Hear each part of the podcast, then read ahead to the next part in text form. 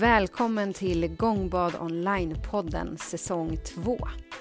I den här podden nördar vi ner oss i allt som har att göra med gång, gångbad och ljudvibrationer. Jag kommer bland annat att intervjua människor som alla, precis som jag själv, på olika sätt har fördjupat sig i ljudvibrationernas läkande kraft. Är du också intresserad av gång, soundhealing, vibrationer och ljud av olika slag? Välkommen att lyssna.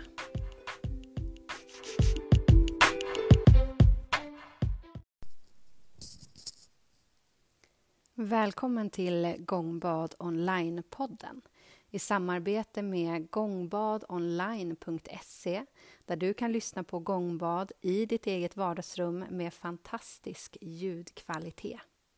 Jag heter Frida Helsing Olsson och i det här poddavsnittet kommer jag att prata om fysiska smärttillstånd och psykisk ohälsa, sjukdom och gångbad. Varmt välkommen! Ja, hej allihopa som lyssnar. Så alltså som jag sa tidigare så kommer jag i det här poddavsnittet prata om just fysiska smärttillstånd och gångbad samt psykisk sjukdom och gångbad. Men vi börjar med fysiska smärttillstånd.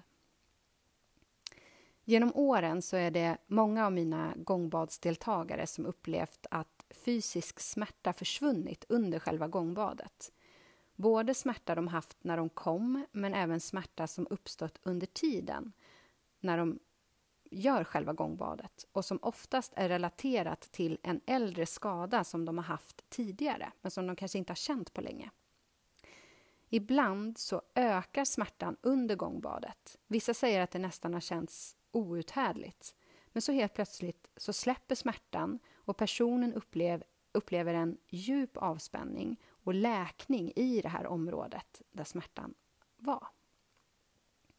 Jag tänkte dela med mig av några självupplevda berättelser eh, till dig som jag har hört från deltagare efter gångbad.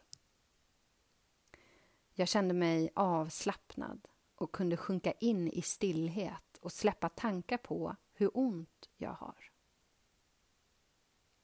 Jag har funnit ett nytt sätt för mental avslappning.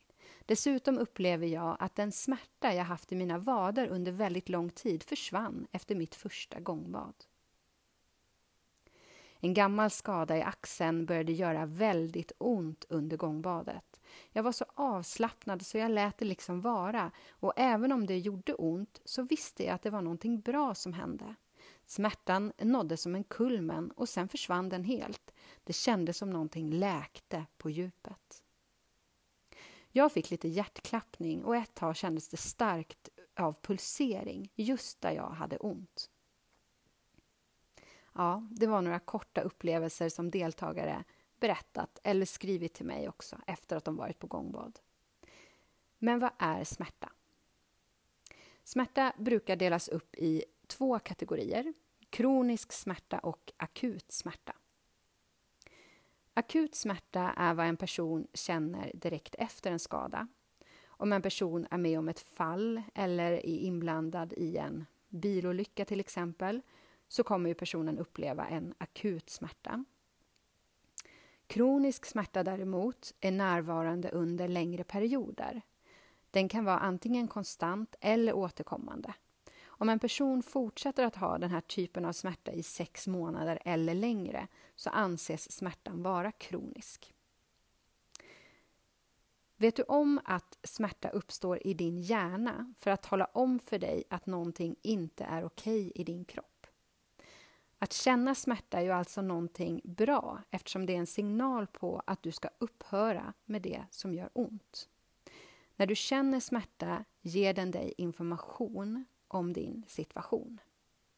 Men för många människor blir smärta ett problem eftersom den ibland finns kvar även efter den initiala orsaken där smärta uppstod, alltså kronisk smärta. Smärtan har då blivit icke-informatorisk och inte hjälpfull. Smärtan i sig själv blir ett problem. Vid kronisk smärta har hjärnan lärt sig att vara i smärta och du kommer in i en svår smärtcykel. Det här sker på samma sätt som när din hjärna lär sig andra saker. Nu lär sig hjärnan att fortsätta ha ont. Här är det tur att hjärnan är plastisk. Genom, genom neuroplasticitet, hjärnans förmåga att förnya sig själv, kan vi hjälpa kroppen att bryta negativa mönster. Vi bryter negativa mönster och vanor genom att ägna oss åt aktiviteter som frigör kroppens egna smärtlindrande substanser. Endorfiner är ett exempel på hormon som lindrar smärta.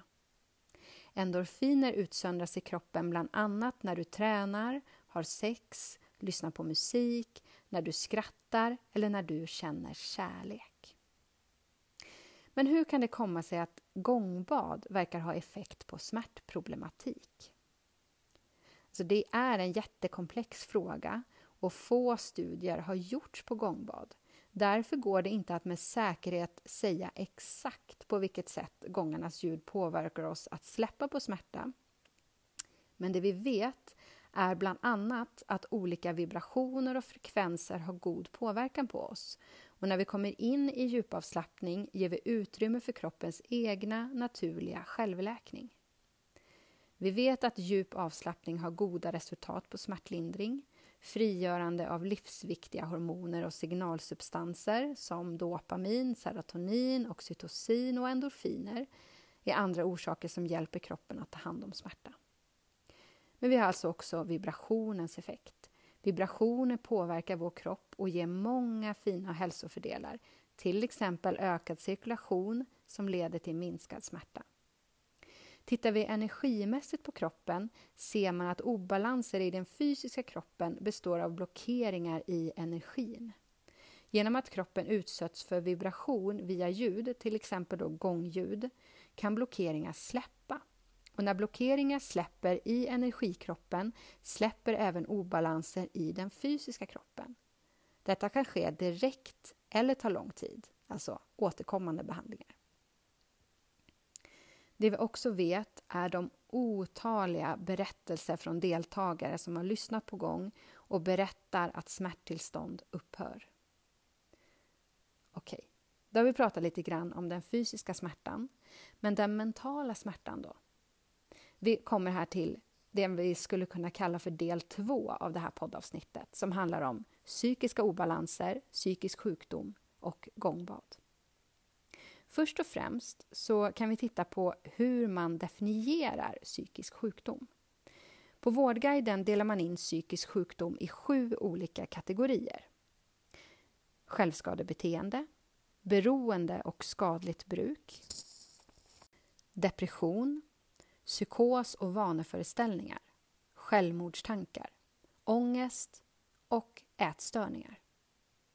Här tänkte jag lyfta olika funderingar som emellanåt kommer upp från deltagare på gångbad men som också vi pratar om under de gångutbildningarna, gångutbildningarna som jag håller på yogakloster. Kan man lyssna på gång när man lider av en psykisk sjukdom och vilka effekter har det? Först och främst tycker jag det handlar om att utgå från den enskilda individens egna upplevelse. Generellt brukar man säga att gångljudet aktiverar och balanserar hjärnan samt påverkar kroppen både emotionellt och fysiskt.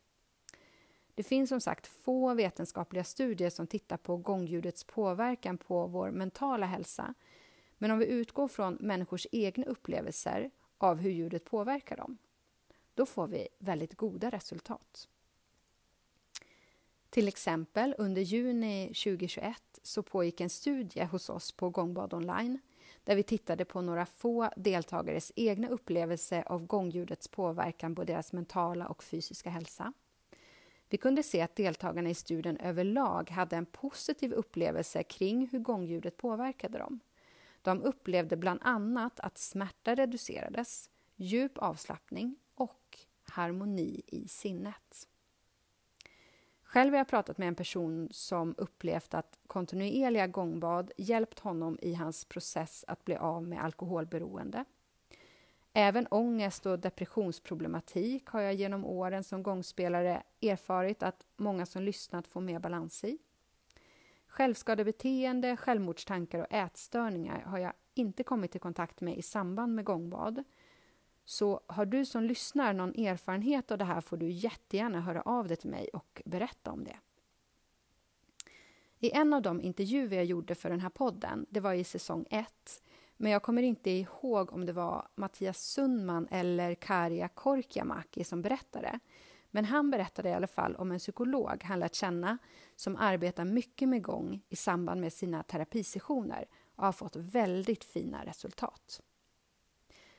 En annan fråga som ibland, emellanåt i alla fall, dyker upp det är om gångljudet kan orsaka psykos. Till att börja med kommer här en definition av psykos enligt Vårdguiden igen. En psykos innebär att man upplever verkligheten förändrad eller annorlunda.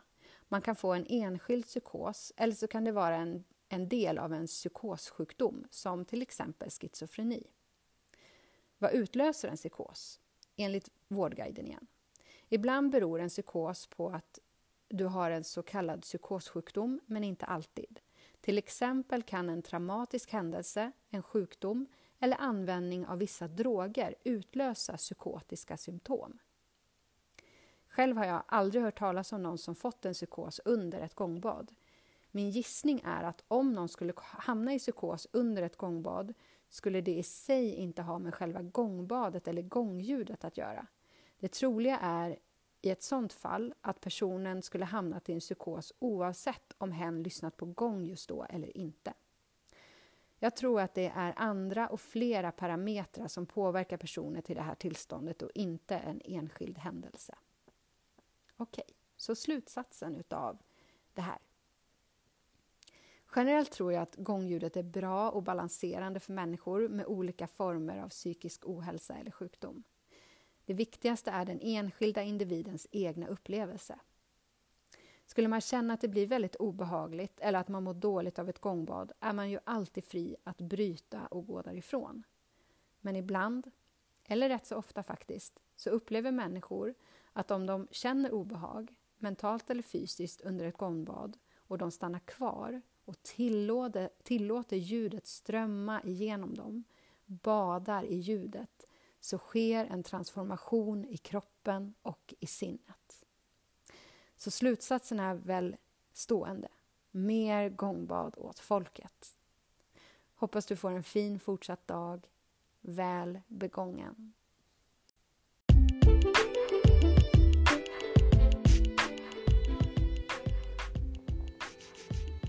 Välkommen till Gångbad online för dig som älskar gångbad och vill ta gångbadet med dig hem till ditt eget vardagsrum och lyssna med fantastisk ljudkvalitet.